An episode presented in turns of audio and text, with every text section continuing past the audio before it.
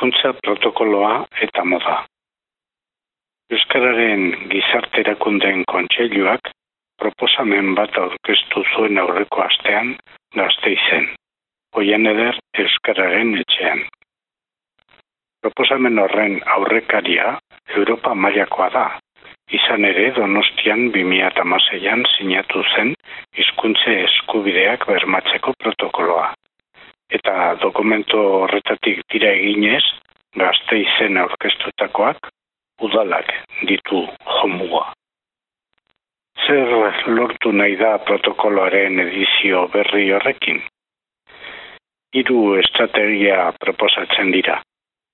Lehenengoa, udalek herritarrei zerbitzu guztiak euskara ematea.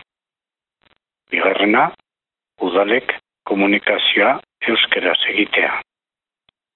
Hirugarren eta azkena, udaletako langileek lana euskeraz egin dezatela.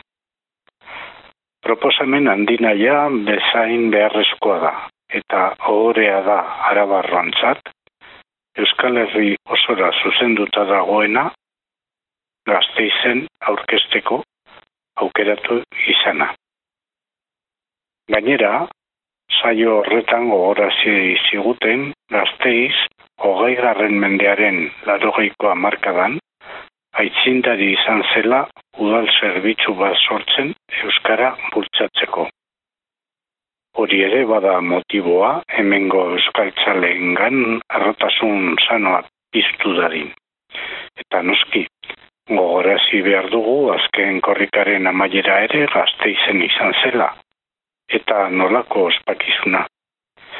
Beraz, ematen du nonbait, gazteiz modako hiriburua dela Euskal Txaleen txat.